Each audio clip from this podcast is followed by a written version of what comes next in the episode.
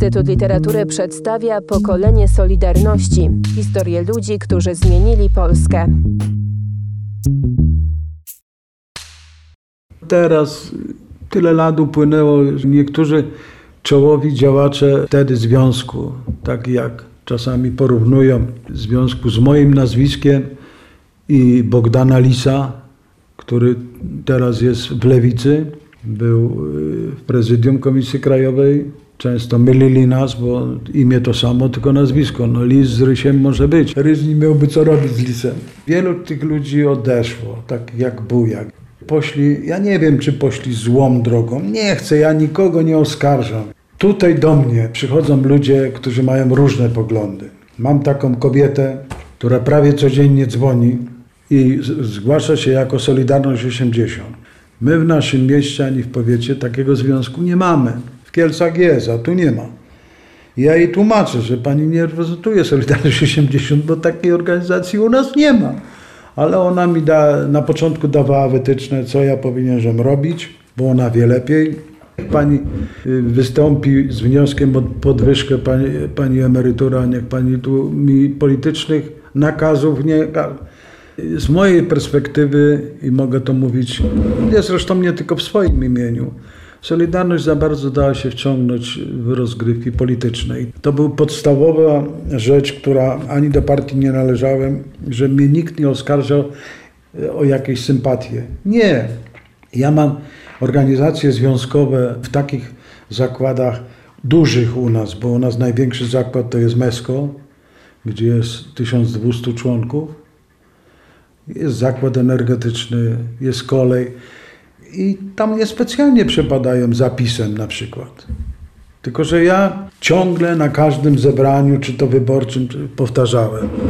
Pamiętajcie o jednej rzeczy, że związek jest związkiem i z partiami politycznymi nie ma nic wspólnego. Czy jakie oni mają poglądy? Oni przede wszystkim mają poglądy takie, które im pozwolą wygrać wybory. W takim czy innym, czy to prezydenckie, czy sejmowe, czy do Unii Europejskiej. Natomiast my mamy walczyć o ludzi, którzy nas wybrali. Ja nie jestem pamiętliwy. Ja spotkałem się z tymi ludźmi wielokrotnie, bo ktoś tam mówi, a ja tam nie podam ręki takiemu tam. Ja podaję rękę każdemu. No. Teraz nawet żartuję, bo tam e, sąsiad z bloku mnie też mówi, te popularne teraz witanie. Wychodzi przed vlog i piąchę wystawiają, mówię, zabić się ze mną chcesz? Mówię, ty nie w ty wadze chodzisz. Mówię, także ja nie to, że no jak jest taka, taka potrzeba, to oczywiście ja też mogę, mogę piąchę wystawić. No tylko problem polega na tym, że po co? Moja sytuacja była inna niż wszystkich, ponieważ byłem jedynym tu w tym mieście i jednym z dwóch w województwie, drugi delegat, bo członek Komisji Krajowej to był jeden, czyli ja. Natomiast drugi delegat, który ze mną wracał z Ostrowca, wyjechał później do Stanów Zjednoczonych i tam w Stanach Zjednoczonych umarł. Natomiast jak żeśmy wracali? Wracaliśmy pociągiem. W pociągu jechali wszyscy. Siła Nowicki, który też już nie żyje. Wysiadamy w Warszawie, bo w Warszawie była przesiadka. Idziemy na pierwszy peron, ludzi taki ogromny pod, pod jakąś tablicą. Nie wiedzieliśmy, co to jest, nie? I się okazuje, że, no znaczy wiedzieliśmy już w Gdańsku, że coś się dzieje, ale nie wiedzieliśmy szczegółów. No i jest w pewnej chwili, ktoś tam rozpycha się i tak na, prawie na czworakach wychodzi facet i pytałem się, co tam, co tam pisze? A ten H mówi, ogłosił stan wojenny w całej Polsce. Jak ja się dowiedziałem i rozmawiałem z Siłą Nowickim, to przecież znakomity prawnik, i on mówi, niech pan uważa, bo mówi, na pewno już na pana czekają. Więc ja akurat e, wracając tym pociągiem z Warszawy, nie wysiadłem w Skarżysku, tylko wysiadłem w Skarżysku Zachodnim. No to jest trochę kawałek drogi, ale mówię, może mi się uda jakoś dostać do domu, nie?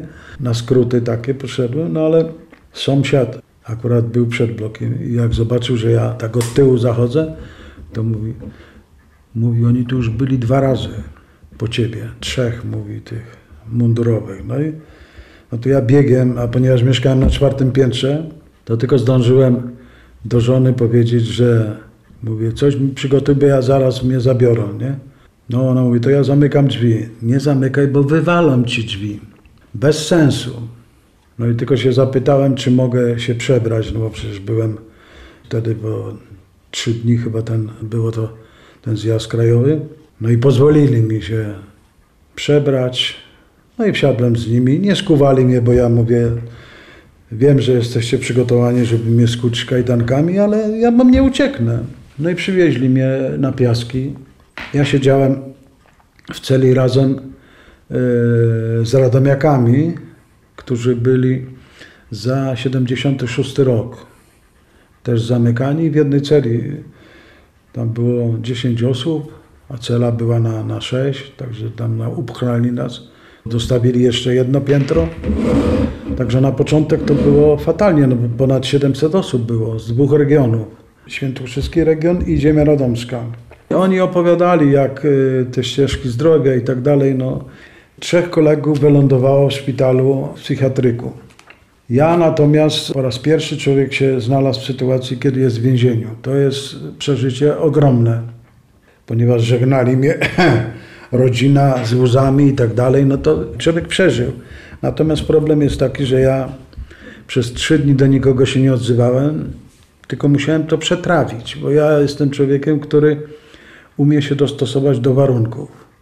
Siedział z nami w celi facet, który miał 86 lat, ziemi radomskiej, który przeszedł dwa razy ścieżkę zdrowia, który zaraz po wypuszczeniu go, bo ze względu na wiek i choroby go wypuścili trochę wcześniej, no znaczy na święta Bożego Narodzenia, który zawsze akurat tak mnie sobie upodobał i mnie tak opowiadał o swoim życiu i mówi pamiętaj, żebyś był zawsze sobą. Oni opowiadali rzeczy straszne, które się po prostu w życiu nie spodziewał, że w tym kraju może dojść do takich rzeczy, kiedy te siepacze ustawili ścieżkę zdrowia i lali gdzie tylko popadło. I to nie tak, że przypominało teraz te zdjęcia z Białorusi. No, tak, tak to wyglądało. Mnie się pytają wielokrotnie dziennikarze, czy ja byłem pobity, czy byłem tego. Nie, ja nie muszę kłamać. Ja nie byłem pobity, nie byłem. Ja byłem przesłuchiwany, owszem. Oni przeżywali to strasznie, a ja się wtedy nauczyłem jednej rzeczy. Ja się nauczyłem od nich, żeby się nie bać. Nauczyłem się od nich, bo oni mówili, że czy byli pobici, czy byli y, pokaleczeni, czy tego, to w dalszym ciągu robili swoje, bo się nie bali. Oni walczyli przede wszystkim o wolną Polskę i to były takie trochę sprawy ważniejsze moim zdaniem niż związkowca, nie? Bo oni walczyli wtedy o lepszy byt dla każdego Polaka. Teraz to się tam mówi, że walczyli, o, żeby nie było tych podwyżek na wędliny, na to, ale to, to był tylko taki przykrywka. Natomiast walczyli o Polskę, tak ogólnie można powiedzieć. Natomiast ja z wieloma tymi ludźmi do dnia dzisiejszego są to moi przyjaciele, tylko ja wysyłam kartę świąteczną i oni zawsze przyjeżdżają tu czasami mnie odwiedzać z Radomia. Ja byłem tam parę razy u tych przyjaciół i kolegów, bo to się takie przyjaźnie się rodzą i się tak szybko nie kończą. Ja jestem dumny z tych ludzi, bo oni pokazali mi prawdziwą lekcję patriotyzmu i poznanie tej ich historii było dla mnie ogromnym przeżyciem, bo to człowiek się nie chce, nie chce w to wierzyć. To w więzieniu w czasie internowania dodało mu wiele odwagi, które myślę, że do dzisiaj to procentuje. I ja się wczoraj nie, nie czułem pokrzywdzony w czasie internowania. Ja nawet powiem więcej. Ja rozumiałem tą władzę. Bo jakby mnie za, zamknęli, jakby mnie nie zamknęli, to ja bym dalej działał. A tak to mnie przynajmniej mieli pod kontrolą. No więc to była taki krzyk rozpaczy dla mnie, bo oni nie mieli koncepcji, co z tym fantem zrobić. No, Solidarność w jakimś momencie przeszła ich oczekiwania. Oni myśleli, że spacyfikują to wszystko. Problem był w tym, że mieli tą listę tych osób i działaczy, których trzeba zamknąć. No więc jak zrealizowali tą listę, to myśleli, że już to jest koniec, nie? To do dzisiaj trwa. Jak idziemy na mszę i tak było zaraz po stanie wojennym, są sztandary, bo przecież nie tylko nasz sztandar, ale z zakładów pracy. I jak ja nie powiem, że wchodzimy do kościoła, to nie wejdą. Bo tak się przyzwyczaili, że przywódca jest jeden, nie?